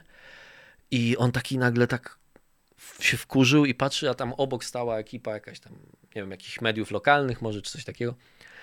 I on mówi do nich, hej, Dlaczego wy kłamiecie? Dlaczego nie mówicie o tym, że polski prezydent tutaj przyjechał? E, I staliśmy, więc stał się geopolitycznym sojusznikiem mm, Polski w tym momencie. Tak mi się przynajmniej wydaje. Ale dlatego o tym mówię, bo jak tam byłem, to nagle zauważyłem takie grupki takich czarnych mężczyzn, którzy się odróżniali mocno od reszty tych protestujących, bo to nie był taki, to był jakiś taki południe powiedzmy, więc to nie był taki moment szczytowy protestu, ale oni jakby mieli tam swoje jakieś takie obozowisko, doradców, e, wydzielali sobie, jakby zawsze taka organizacja społeczno-socjalistyczna takiego protestu jakaś taka funkcjonuje. Ktoś tam, jak, jak zwykle w Stanach Zjednoczonych, nie wiem, oni mają taką specyfikę, że zawsze tam są jakieś człowiek na przykład, który był przebrany za Batmana i opowiadał, że on uratuje wszystkich, bo jest czarnym rycerzem, czy jakieś takie rzeczy. No ale oni tam, więc, więc jakby tam jakaś taka aktywność była. E, ale była ta, były takie z 3-4 grupki takich czarnych byków, znaczy czarnych w sensie czarnoskórych byków, w koszulkach polo, w spodniach takich e, cargo, prawda, czyli z takimi kieszeniami, może nie przypominali jakichś takich, ale jakby ja mówię, kurde, czy to jest jakaś paramilitarna, trochę widziałem tam w jakiejś tam telewizji kiedyś pokazywali, że takich paramilitarne, Black Lives Matter ma takie jakby ala czarne, reaktywacja czarnych panter, mówię, czy to są jakieś czarne pantery, ale patrzę, że oni się tak kręcą wokół tych ekip telewizyjnych i potem widzę, że jak rozmawiają z tymi protestującymi, to ich interakcje są tak z pogardą, ich traktują bardzo mocno, nie? No i tak jakby doszedłem w końcu do tego, że te wszystkie ekipy CNN, NBC i tak dalej mają czarnych ochroniarzy, którzy z pełną pogardą i kompletnym brakiem szacunku traktują tych protestujących. Nawet była taka scena, scena jedna, że dziennikarka z coś tam nadawała e, i biegnie nagle taki, ci czarni stoją jakby tam poza kadrem i jakby od strony kamery, czyli go nie widać w kamerze, dziennikarka nadaje i biegnie taki gość w slipkach, taki starzec z rozwianymi siwymi włosami biegnie no jakiś tam wariat po prostu, nie? Biegnie i nagle jeden tak, zanim jest 5 metrów przed tą kamerą, jeden czarny go tak pach! I te na siebie, nie? Tam, a, ta, ta, a ta Stepona pewnie mówi na to, no i oczywiście atmosfera, ludzie sobie pomagają. Ale dobra, to taka, taka, taka tylko e, dygresja. W każdym razie mamy do czynienia z taką sytuacją, że to było najdziwniejsze w tym, w, tym, w tym wszystkim, co się działo w ostatnim czasie, że wszyscy mówią, no i Gwardia Narodowa jest na ulicach, i sklepy się zamykają. Ostatnio tam słuchałem jakiegoś podcastu i dziennikarka mówi, że w dzień ogłoszenia wyroku, znaczy w sensie nie wiadomo było jeszcze wtedy, że to będzie dzień ogłoszenia, bo nie wiadomo było, ile Ładowa Przysięgłych będzie obradować. Ona w Waszyngtonie pierwszy raz z mężem się zaszczepili i mówi, umówiliśmy się na randkę, że pójdziemy sobie do restauracji, zamówiliśmy ten. I jak się okazało tylko, że ława przysięgłych ogłoszono, że e, doszła, że, że, doszła do, do konkluzji, że za chwilę będzie ogłoszenie wyroku, to dostali SMS-a z restauracji, że wasza rezerwacja została odwołana. Prawda? Czyli życie zamiera, bo rozumiemy gniew tych ludzi, prawda? Bo oni muszą sobie kilka rzeczy rozwalić po prostu i tak dalej. Dobra, to już prawie wszystko e, na dzisiaj. Miałem jeszcze kilka rzeczy przygotowanych. Chciałem mówić kilka przypadków śmierci e, z rąk e, policji i tego, jakie były wyroki, bo to jest dosyć ciekawe e, w tych sprawach. Mówiłem już o tej sprawie z Ferguson, natomiast bardzo ciekawa jest sprawa z Dallas Tonego Timpy i ona jest o tyle ciekawa, że to jest sytuacja bardzo podobna do sytuacji Floyda i Chauvena. Natomiast ona się różni o tyle, że tam ofiara była biało. To był 32-letni właśnie Tony Timpa, on się nazywał. Cierpiał na schizofrenię i jakieś inne zaburzenia psychiczne. Policjanci zostali wezwani nie dlatego, że on popełniał jakieś przestępstwo, tylko dlatego, że był jakby, jak to się mówi, in distress, czyli przeżywał jakiś kryzys psychiczny. Gdzieś tam na parkingu oni jakby bali się o to, że on sobie zrobi krzywdę, założyli mu z tyłu te zip tiesy, skrępowali jego nogi. Jeden z policjantów siedział na nim przez 13 minut. On mówił, że wy mnie zabijecie.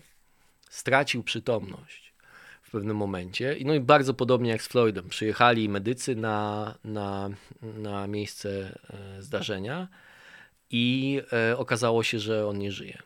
Że, że ten policjant siedząc na nim, on był w tej samej pozycji co Floyd, że go zabił. Oczywiście dwie są sposoby na to patrzenia jak zwykle. Prawica mówi, patrzcie, o o mm, dla Tornego Timpy sprawiedliwość nikt się nie upiominał. Ale Lewica mówi, to tylko pokazuje, że policja jest brutalna. Tam policjanci generalnie jakieś śled, jakieś, generalnie oni, żaden z nich nie został jeszcze skazany w tej sprawie. Jakieś tam dyscyplinarki się przeciwko nim toczą. E, ale też jest ciekawa sprawa, jeżeli chodzi już, jak już mówimy, dobra, szybko wam, szybko wam o tym jeszcze powiem, bo, bo to jest ciekawe. E, sprawa Daniela Shavera z 18 stycznia 2016 roku w Granbury w Teksasie. Tutaj też mamy białą ofiarę, która została zastrzelona w ogóle z karabinu szturmowego, którego miało na wyposażeniu tam policja AR-15. Daniel Shaver to był gość, nie wiem ile on miał lat, ale tam chyba po 30 był. Mieszkał w motelu. E, policja została wezwana dlatego, że przez okno było widać karabin. Znaczy taki, jakby on miał. Okazało się potem, że to był karabin na śród, bo miał taką dosyć dziwną pracę ten Daniel Shaver, że strzelał do ptaków, które dostały się do sklepów z karabinu na śród. Nie wiedziałem, że taki zawód istnieje, ale dowiedziałem się właśnie, jak usłyszałem o tej sprawie wtedy. No i jeździł po tych sklepach i strzelał z tego śrutu. Ten. Siedział sobie w pokoju, jakieś tam koleżanki miał zaproszone, a ten karabin się chwalił tym karabinem i w pewnym momencie go odłożył tak, że on wystawał przez okno i jakiś inny e, mieszkaniec tego motelu się przestraszył, że on ma broń. Policja została wysłana na miejsce. On wyszedł z tego pokoju, i zaczął wykonywać polecenia policjantów. Potem się okazało, już po, tym, po jego śmierci, po, po autopsji, że miał tam dosyć mocną, tam trzy, trzykrotnie przekroczoną ilość alkoholu uprawniającą do, nie wiem jakie to, jakie to są promile w Teksasie, no ale że był, był pod wpływem, mocnym wpływem alkoholu, co też może tłumaczyć, że nie do końca może jakby wszystko kontaktował, natomiast no, sytuacja jest dosyć dziwna, bo on wykonywał polecenia policji, kazali mu uklęknąć na ziemi i skrzyżować yy, yy, nogi. Potem mu chyba kazali położyć ręce na ziemi. On jak chciał położyć ręce na ziemi, to roz, rozsunął te nogi, policjanci krzyczą do niego, jak będziesz, musisz ten. W każdym razie to jest jedna z, musi, w sensie musisz wykonywać nasze polecenia e, i tak dalej. Jest jedna z takich sytuacji, kilka było takich sytuacji w ostatnich latach w Stanach Zjednoczonych, gdzie policjanci wydają najpierw polecenia, których jakby ten człowiek, który jest w stresie, nie do końca jest w stanie zrozumieć. E, ale ostatecznie, mm, ostatecznie y, decydujące okazuje się to, że policjanci mówią, że masz zacząć się czołgać do nas, tak? Że na, na czworaka ma zacząć iść do nich. I on zaczynając iść na czworaka, najprawdopodobniej wersja jest taka y, tych wydarzeń, że on sięga, sięgnął po spodnie, jakieś miał dresowe spodnie, które mu zaczęły spadać po prostu z tyłka i policjant w tym momencie go, czyli sięga w stronę swojego paska, tak to nazwijmy, i policjant tam kilkakrotnie do niego strzela z tego karabinu szturmowego, zabijając go na miejscu.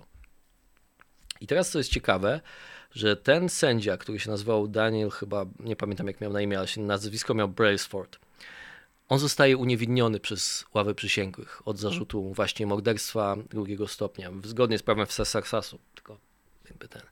I to, co jest kluczowe, dlaczego przysięgli go uniewinniają, czyli według tych, którzy analizowali ten proces, że on był na ławie, znaczy nie na ławie, tylko na, składał zeznania w tym procesie, przepraszam. I mówi, byłem w 100% przekonany, że on sięga po swoją broń. I to pokazuje też w jakimś sensie. Tak, ja mówię wam o tym nie dlatego, że to jest dowód na cokolwiek. Po pierwsze, to jest może pokazuje, że też biali e, są niesłusznie zabijani przez policję, ale po drugie też pokazuje, że no, gdzieś tam w Stanach różne sprawy mają różne wyroki i tutaj przysięgli go uniewinnili, dlatego że jakby przekonało ich to, że policjant był, czuł zagrożenie, że on sięga po broń i że musi go zastrzelić, tego człowieka w tym momencie. Oczywiście trudno się zgodzić z taką oceną tej sytuacji, ale byli skłonni, byli skłonni tego, temu uwierzyć. Potem wyszło na jaw jeszcze, że przeciwko niemu były w sprawie jeszcze tam różne dziwne zamieszanie, nie, chcieli, nie chciano wydać nagrań i tak dalej. W każdym razie wyszło, że po lata, znaczy tam chyba po roku od, od wydania wyroku wyszło, że przeciwko niemu prowadzone też było postępowanie dyscyplinarne, bo na swoim karabinie, czy na strzelbie e, swojej służbowej e, miał wygrawerowane ten policjant Braceword słowo fuck you, znaczy sformułowanie fuck you, co może świadczyć o to, że był dosyć taki napalony.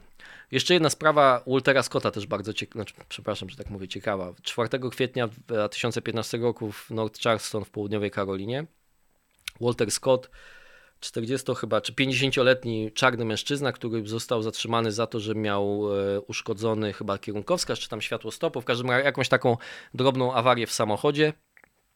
Wysiada z samochodu i zaczyna uciekać. Policjant, e, tam nie ma e, body cam footage wtedy, ale są zdjęcia, które jakiś tam przechodzień zrobił, telefonem wykonał. I na tych zdjęciach widać, że ten facet ucieka, jest od policjanta 15 metrów, policjant trzyma broń w tym momencie.